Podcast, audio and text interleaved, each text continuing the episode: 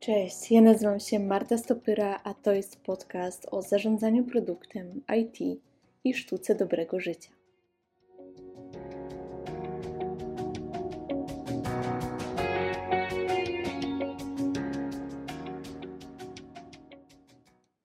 Witam Was bardzo serdecznie. Nagrywam ten odcinek w piątkowe popołudnie, więc już w takim praktycznie weekendowym nastroju. I dzisiejszy odcinek będzie poświęcony produktywności, ale produktywności od takiej może trochę innej strony. Jest to kontynuacja odcinka o produktywności, gdzie dzieliłam się z Wami moimi podstawowymi trikami, podstawowymi podejściami do tego tematu. Natomiast ponieważ ostatni odcinek już tak czy tak wyszedł stosunkowo długi, to postanowiłam, że właśnie te pozostałe rzeczy, pozostałe przemyślenia zawrę w kolejnym odcinku, który właśnie macie okazję posłuchać. Jeżeli chodzi o produktywność, to z pewnością jest to temat, który nam towarzyszy na co dzień. Jest to temat, który jest obecny w debacie publicznej, ale może przede wszystkim tej zawodowej cały czas. Ja wchodząc tak naprawdę do zarządzania projektami, miałam wrażenie, zresztą być może to też jest spowodowane mm, społeczeństwem, w jakim żyjemy, że im więcej robimy, im więcej osiągamy, tym w zasadzie lepiej i to jest pożądany stan. Cały czas mówi się o optymalizacji czasu, o tym, żeby robić jak najwięcej, żeby jak najwięcej rzeczy zrównoleglać. Natomiast po dobrych kilku latach doszłam do wniosku, że to tak naprawdę dla mnie nie działa. I zresztą jest to dosyć intuicyjne, patrząc też na to, jak czujemy się właśnie będąc w takim trybie robota, gdzie wykonujemy cały czas jakieś zadania, cały czas mamy jakieś to-do listy. Mm, I z drugiej strony też za tym w parze idzie taki ruch mindfulness, ruch bycia tu i teraz, ruch slow life, który myślę też to częściowo wspiera. No bo tak naprawdę w momencie, kiedy jesteś cały czas w takim trybie wykonywania zadań jedno po drugim, to nie ma przestrzeni na kreatywność, nie ma przestrzeni na zastanowienie się, czy to, co robisz, czy to, co robię, ma sens.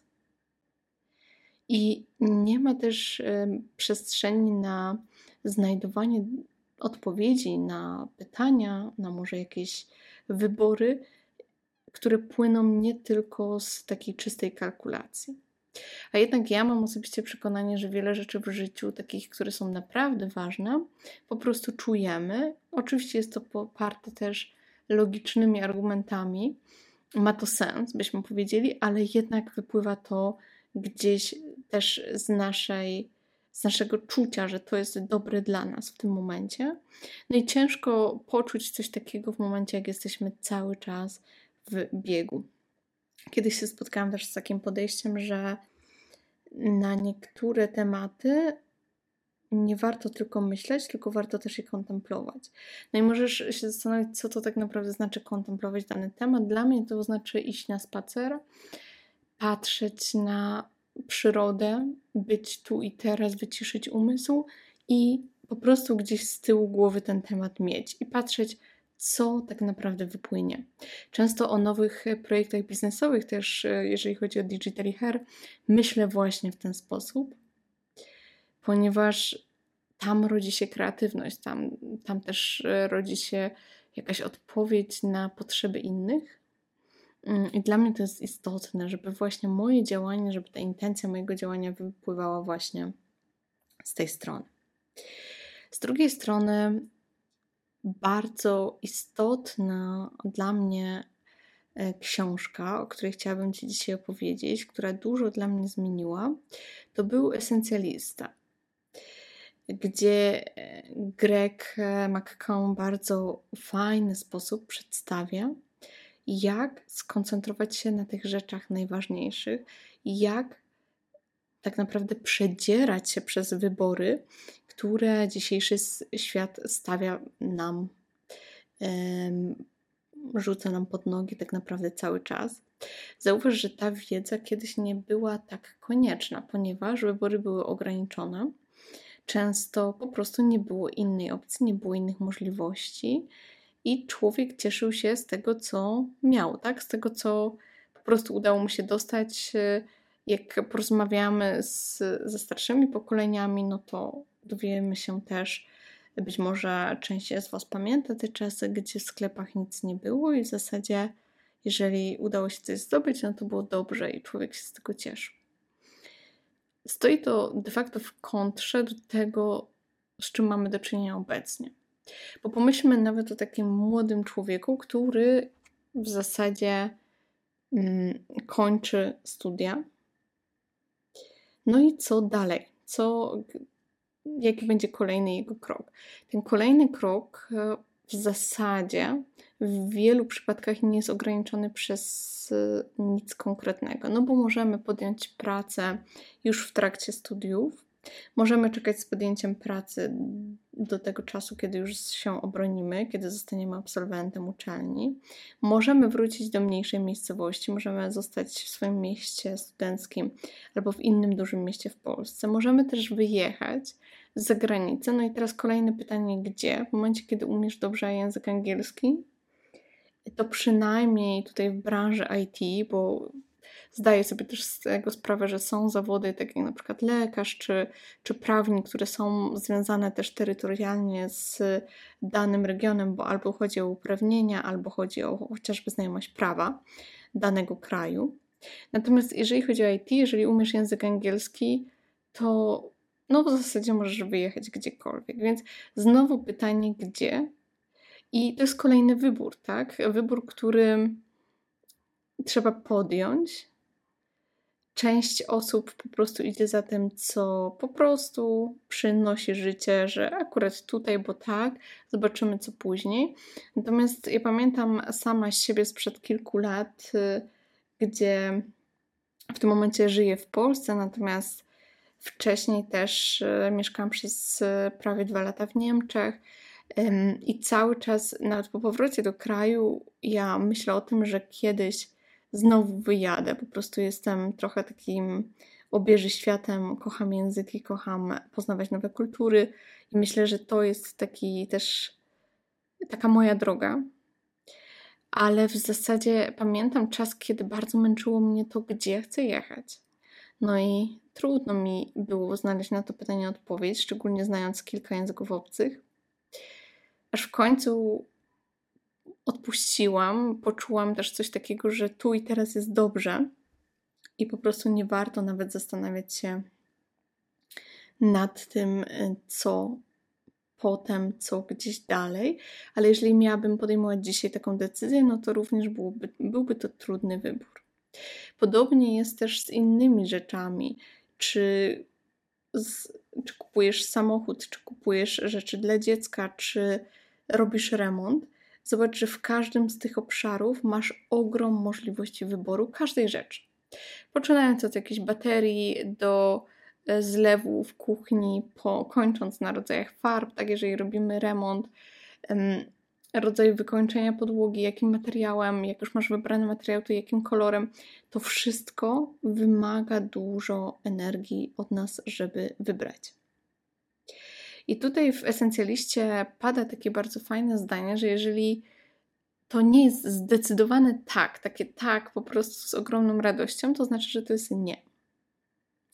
Dla mnie ta reguła się bardzo fajnie zaczęła sprawdzać, bo zauważ, że to nie dotyczy tylko tych zakupów naszych materialnych, ale też codziennie podejmujemy decyzję, jak spędzimy nasz dzień. Podejmujemy decyzję, z kim się spotkamy, gdzie pójdziemy, zarówno jeżeli chodzi o życie prywatne, jak i zawodowe, jakieś meetupy, konferencje. Nie jesteś w stanie być wszędzie. Nie jesteś w stanie też wszystko przeczytać. Jeżeli chodzi o książki, których jest ogrom, znów możliwości na każdy temat. No i w zasadzie kilkoma kliknięciami możesz te książki mieć i możesz je czytać, tylko że Twój czas jest ograniczony. I też bardzo ważna jest ta umiejętność podejmowania wyboru. Dlatego jeżeli jeszcze nie czytałeś, nie czytałaś esencjalisty, to bardzo Ci to polecam. myślę, że to dużo w moim życiu zmieniło. Z drugiej strony, przez tą taką dosyć długą dygresję o wyborach, chciałam Ci pokazać, że te realia się zmieniły. To znaczy, ta wiedza, którą posiadają osoby starsze, ta wiedza, która sprawdzała się kiedyś również dla nas, może w tym dzisiejszym świecie już nie być aktualna. Ja pamiętam nawet na własnym mm, przykładzie, że kiedyś, żeby coś kupić, to rzeczywiście chciałam przejrzeć wszystkie opcje. Ja mam dosyć wysoko input w talentach Galupa i myślę, że to też z tego wynika moje takie zamiłowanie do researchu, do zbierania informacji. To zajmowało mi bardzo, bardzo dużo czasu. Chociażby idąc do sklepu po nowe ubranie, mm, pamiętam, że to było jeszcze przed tym, jak przekonałam się tak e, bardziej do zakupów internetowych, także już dobrych, dobrych kilka lat temu. Musiałam odwiedzić wszystkie sklepy w danym centrum handlowym, żeby stwierdzić, że nie ma tam lepszej rzeczy. Później, jak wprowadzono tą możliwość też oddawania w ciągu 30 dni, no to było super, bo już można było to kupić i nie trzeba było się później wracać i pamiętać, gdzie była jakaś fajna rzecz akurat po sprawdzeniu tego wszystkiego. Natomiast jak myślę sobie o tym teraz, to było myślę, że jakieś 10-15 lat temu, w mojej perspektywie, to wydaje mi się to ogromną stratą czasu. Jak wyglądają moje zakupy w tym momencie? Po pierwsze, muszą wynikać z potrzeby, czyli ja wiem, czego konkretnie potrzebuję. Nie zawsze to jest tak, że ja tej rzeczy potrzebuję na już, tu i teraz. Natomiast mam taką świadomość, że to jest coś, co by mi się przydało gdzieś z tyłu głowy. I w zasadzie później, w momencie, kiedy widzę gdzieś, wpadnie mi w ręce jakiś, jakiś fajna rzecz, fajny model, który jest y, dokładnie tego typu, który potrzebuję, to go kupuję. Mm, oczywiście sprawdzam takie aspekty jak cena, mm, natomiast nie, jeżeli nie jest przesadnie drogi, to też nie szukam każdej tańszej alternatywy na wszystkie strony. I druga rzecz, nie muszę obejrzeć wszystkich innych modeli w internecie danego rodzaju butów. Na przykład y, ostatnio kupowałam klapki i to nie oznaczało, że ja obejrzałam na przykład na e-obuwie 50 stron dotyczących klapek, bo wydaje mi się, że tam tyle rzeczywiście jest, jeżeli chodzi o paginację. Tylko po prostu, jeżeli te mi się podobają, to je zamawiam, sprawdzam, czy są wygodne. Um, oczywiście cena też, cena też musi być ok. Je biorę. Odcinam te wyboru, wybory. W ogóle decidere, od decydować pochodzi od słowa decidere, które um, oznacza odcinać możliwości. I to jest też coś takiego, co myślę, że może nam dać dużo do myślenia. Um, chciałabym, żebyś zastanowił się, żebyś się zastanowiła, jak ty wybierasz. Ile czasu poświęcasz na wybór danej rzeczy w stosunku do tego, ile ona jest warta. Tutaj też myślę, że ważnym punktem wyjścia jest zastanowienie się, ile jest warty Twój czas. Czasami twój, Twoje 15 minut, kiedy możesz po prostu wyciszyć umysł i odpocząć, zamiast gorączkowo przeglądać kolejne strony, porównywać. To jest y, też coś, z czym wiele osób, myślę, się do, spotyka, że wybierając jakąś rzecz stosunkowo tanią, poświęcają bardzo dużo czasu na analizę, na sam research i w zasadzie no, nie robią tego świadomie po prostu tak w sposób domyślny działają. Możesz na to zwrócić uwagę, myślę, że to też jest mocno związane z właśnie produktywnością. Kolejnym takim punktem, trochę nawiązującym do mm, metodyki działania, jest y, wychwytywanie powtarzalności w rzeczach, które robimy. I tutaj przede wszystkim odnoszę się do tej sfery zawodowej, ale nie tylko, również do życia rodzinnego, są takie punkty, gdzie musimy pamiętać o kilku rzeczach periodycznie, na przykład co miesiąc. Płacąc rachunki, musimy pamiętać, żeby zapłacić określone, za określone media. Albo w przypadku moim, rozliczając firmę, muszę pamiętać o tym, żeby przede wszystkim rozliczyć moich pracowników, po drugie rozliczyć całą firmę, zapłacić wszystkie podatki, składki i też robi się z tego ileś punktów. I to jest też taka mm, coś, z czym ja na początku trochę inaczej działam, bo w zasadzie pamiętam, że muszę to zrobić i w zasadzie też jestem w stanie sobie od razu tu i teraz e, przypomnieć dokładnie, jakie aspekty muszę wziąć pod uwagę. Natomiast zauważyłam, że w momencie, kiedy zrobiłam sobie z tego checklistę, której używam co miesiąc, zwalniam też zasoby umysłu. Mimo, że normalnie bym sobie to przypomniała, to mam specjalną checklistę na to. Podobnie, jeżeli chodzi o robienie zakupów, podobnie, jeżeli chodzi o jakieś, być może masz w opiece nad Twoimi członkami rodziny jakieś określone rzeczy, które musisz załatwiać co miesiąc, to też może się fajnie sprawdzić. Także taki element właśnie checklist i robienia procesów, ubierania czegoś w kolejne kroki w naszej codzienności myślę, że jest też bardzo ważny. Nie dlatego, że nasz umysł nie jest w stanie tego zapamiętać, tylko również dlatego, że możemy mu w ten sposób pomóc, pomóc zwolnić część zasobów. Kolejnym takim aspektem, o którym chciałabym z Tobą porozmawiać, już w kontekście zarządzania projektami, produktami, mm, w kontekście przywództwa, myślę przede wszystkim, jest fakt, jak my podchodzimy do naszego czasu, do zarządzania naszym czasem versus nasze interakcje z otoczeniem. Bo myślę, że każdy z nas, kto jest, był liderem w przyszłości, spotkał się z sytuacją, gdzie pracownik przychodzi do niego z jakimś problemem, gdzie ludzie, którzy dla nas pracują, którzy są w naszych zespołach, właśnie przychodzą i mówią: Marta, to nie działa, napotkałem taki problem, nie mogę iść dalej. I to jest tak naprawdę bardzo ważny moment dla nas, jako dla menadżera, też przede wszystkim do zaobserwowania, a później do odpowiedniego działania, żeby przyjrzeć się, jak ja w takich warunkach pracuję. Czy ja właśnie ze względu na to, że chcę być pomocny, chcę być pomocna, mówię: OK, Kasiu, nie ma problemu, to ja sprawdzę to.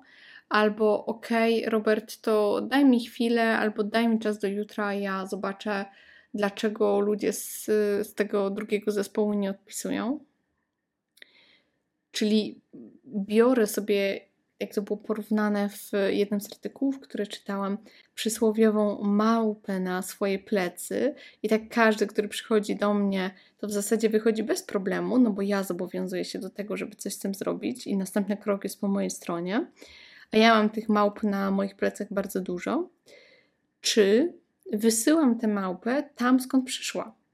Czyli służę radą, jeżeli chodzi o moich pracowników, służę pomocą, służę takim odzwierciedleniem też ich myśli, bo czasami sam, przez samo wysłuchanie kogoś, przez samo to, że pracownik stara się nam wyjaśnić problem, on może wpaść na rozwiązanie tego problemu. Ale jednak wysyłam tą, y, tę małpę później z powrotem z nim. Problem po naszej interakcji, po naszej rozmowie jest po jego stronie i to on podejmuje kolejne kroki. Przyjrzyjcie się, jak to wygląda u Was, bo szczególnie w czasie pierwszych lat mojego bycia menadżerem, no u mnie właśnie wyglądało to niestety tak jak w tym pierwszym przykładzie, czyli kończyłam dzień z wielką ilością małp, ponieważ chciałam wspierać mój zespół, chciałam być pomocna. Natomiast finalnie oczywiście to tych ludzi nie rozwijało, no bo nie uczyli się rozwiązywać swoich własnych problemów.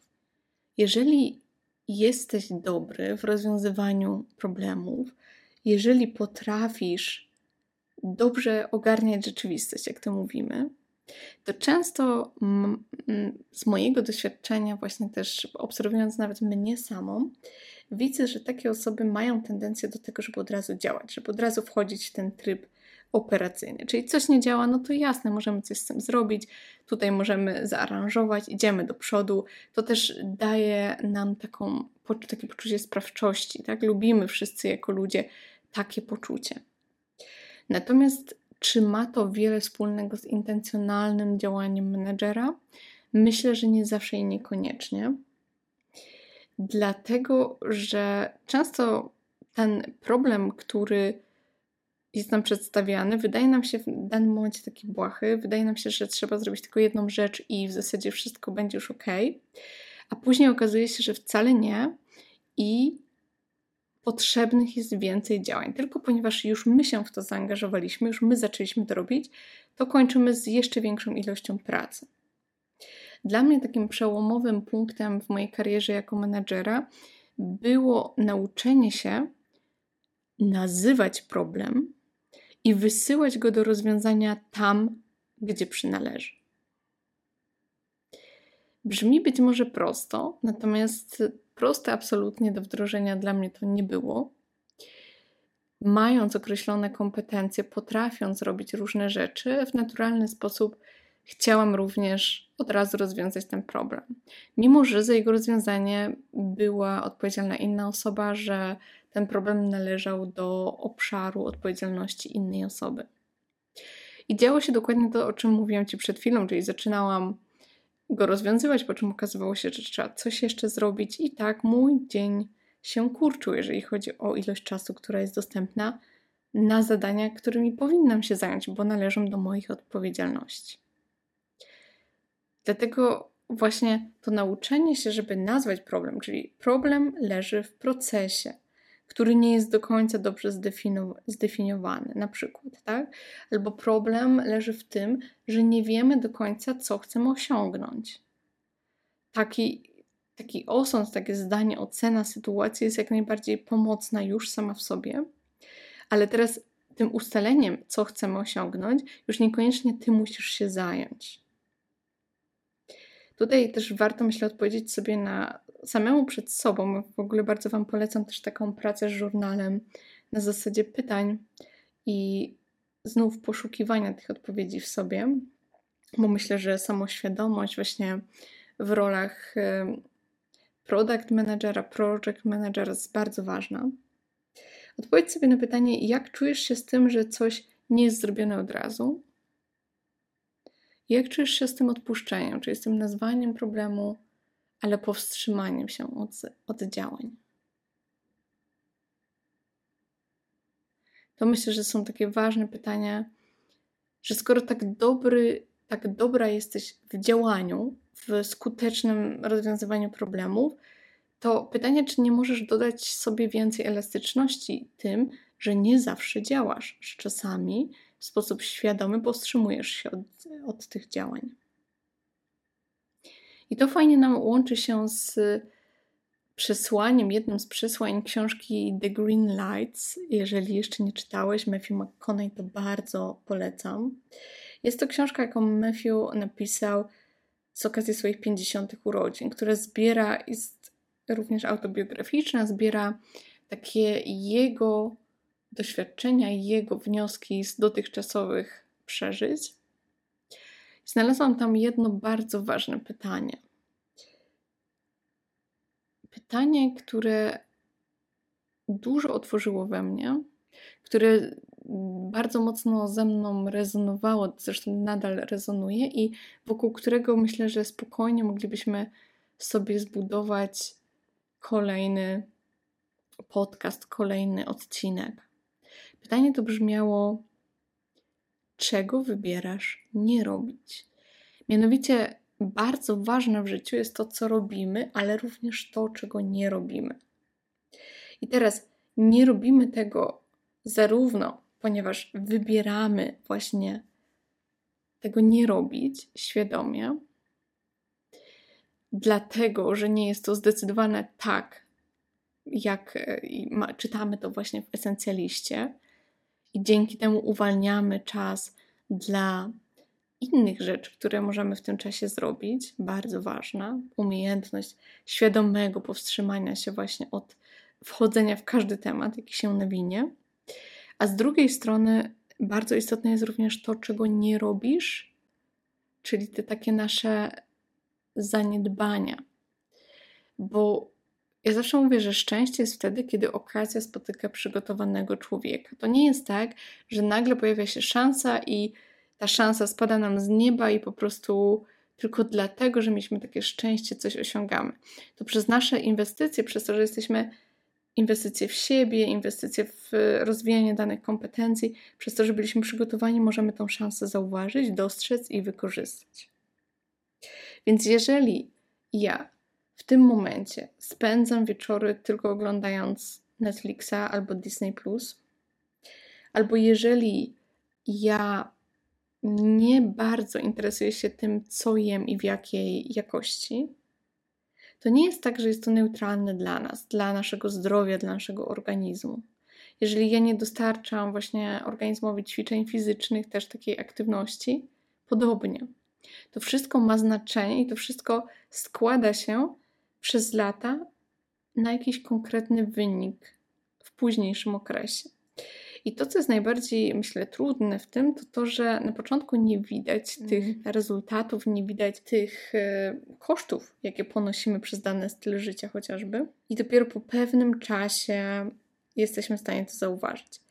Dlatego ważne też moim zdaniem w kontekście produktywności, ale nie tylko, jest tak jak mówiłam Wam wcześniej, prowadzenie jakichś zapisków albo w formie żurnala, albo gdzieś w jakimś programie, gdzie znajdujesz czas, żeby intencjonalnie, świadomie zastanowić się, jak ja żyję w tym momencie, zrobić sobie taki przegląd i zastanowić się, dokąd ja zmierzam, tak żeby to rzeczywiście było z, życie z intencją, a nie życie takie przypadkowe, reaktywne. I to w zasadzie niesie mnie tutaj w tym odcinku do dwóch ostatnich punktów, o których chciałabym wspomnieć. Jeden jest y, dla mnie bardzo ważny zarówno w pracy zawodowej, ale też w interakcjach takich prywatnych.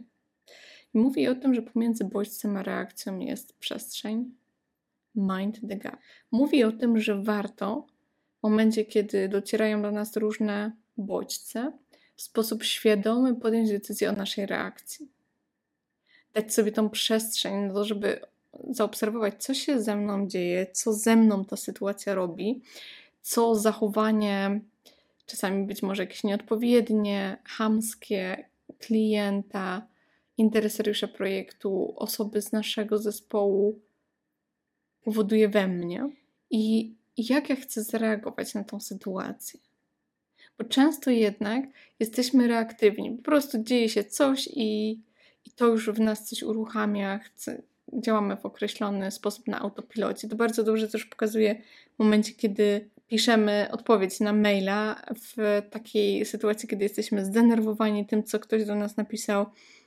Zazwyczaj żałowałam wysyłania takich maili. Także teraz też staram się właśnie dawać sobie tą przestrzeń. Żeby zauważać tą przestrzeń, żeby, która jest na początku rzeczywiście bardzo malutka, bardzo taka cienka jest ta granica pomiędzy bodźcem a reakcją, też warto praktykować uważność. Myślę, że to bardzo pomaga obserwować, jak działamy, i przez to też może pozytywnie wpływać na naszą produktywność. I ostatnia myśl odnośnie tej produktywności versus bycia ciągle zajętym, czyli tego popularnego biznes, jest taka. Chciałabym, żebyśmy zastanowili się, czy w kontekstach, w których działamy, zarówno tych zawodowych, jak i prywatnych, jak i może czasu wolnego, tam, gdzie chcemy coś osiągnąć, gdzie do czegoś dążymy, chcemy spełnić jakieś swoje aspiracje i marzenia, chciałabym, żebyśmy się zastanowili, czy my wiemy, co tak naprawdę dla nas oznacza spełnienie tego celu. Czy my wiemy, co oznacza dla nas sukces? Często mówimy, że żeby było dobrze, żeby wszystko działało, żeby wszystko fajnie funkcjonowało, żeby zespół, e, projekt się toczył. Ale co to tak naprawdę oznacza? Kiedy my będziemy w stanie stwierdzić, że rzeczywiście wszystko jest ok? Czy my wiemy, co dokładnie chcemy osiągnąć? Co jest dla nas najważniejsze? I co oznacza dla nas ten sukces? Bo jeżeli wiemy, dokąd zmierzamy, to wtedy zawsze łatwiej tą strategię dostosować. Aniżeli jeśli po prostu wydaje nam się, że tak mniej więcej w tym kierunku, no i wtedy bardzo też bazujemy na tej reaktywności, o której wspomi wspominałam, czyli jakoś to będzie, jakoś to się potoczy. No nie, z mojej perspektywy zawsze staram się bardzo albo coraz bardziej, bo w zasadzie to jest droga, która nigdy się nie kończy, podchodzić do tych rzeczy proaktywnie, z taką intencją, z intencjonalnym działaniem. No i nie inaczej jest tutaj, jeżeli chodzi właśnie o naszą produktywność. To na pewno też nie jest bez znaczenia. I to już ostatnia myśl, z którą chciałam Was dzisiaj zostawić. Dzięki za uwagę. Jeżeli słuchasz tego przed weekendem, to życzę Ci cudownego czasu. Jeśli słuchasz tego na początku tygodnia, to również wiele produktywności, wiele osiągania tych rzeczy, które naprawdę są istotne, a nie tylko odhaczania tasków dla samej ilości. I mam nadzieję, że słyszymy się już w kolejnym odcinku.